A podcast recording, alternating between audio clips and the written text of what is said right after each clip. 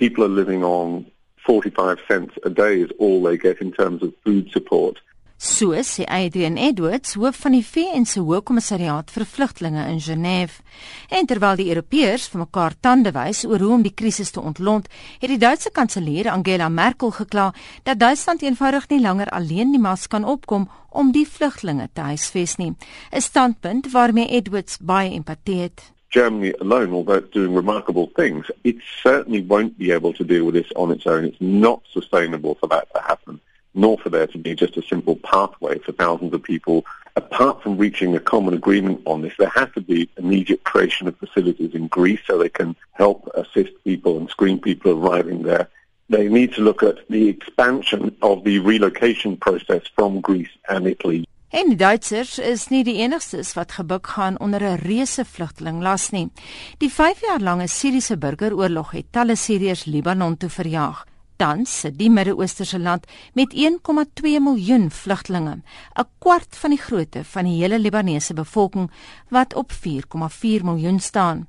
Maar selfs Libanon wat volpunte kry vir sy oop arms aanslag teens vlugtelinge, het op 6 Mei vanjaar opdrag aan die VN gegee om geen nuwe vlugtelinge in die land te registreer nie.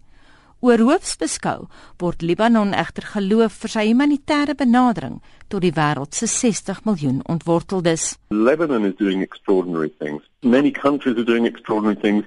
When you look here in Europe too, the individuals, communities also doing extraordinary things to help people. It's not all doom and gloom.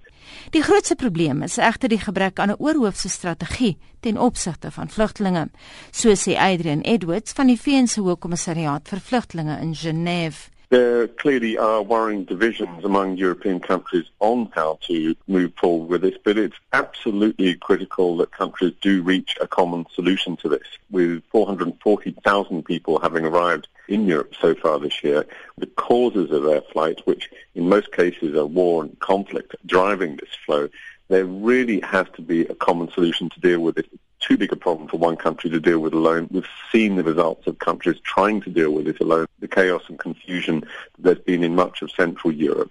En interessant genoeg is daar voorbeelde van alternatiewe planne wat al voorheen in die geskiedenis beraam is om juis vlugtelinge te huisves. Een voorbeeld is die Comprehensive Plan of Action wat die riglyn was vir die hantering van Vietnamese vlugtelinge in die 70s en 80s. For example, the Vietnamese refugee crisis of the 70s and 80s. In 1989, that was resolved through a global agreement known as the Comprehensive Plan of Action. We've also dealt in Europe only 24 years ago with millions of people who fled the former Yugoslavia.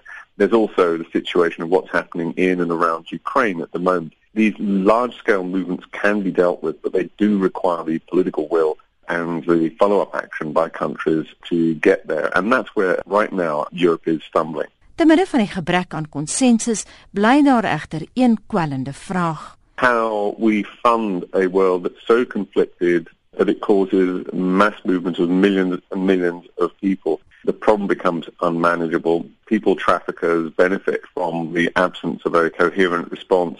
So it's really a crucial moment this week in Europe to try and make headway with this problem.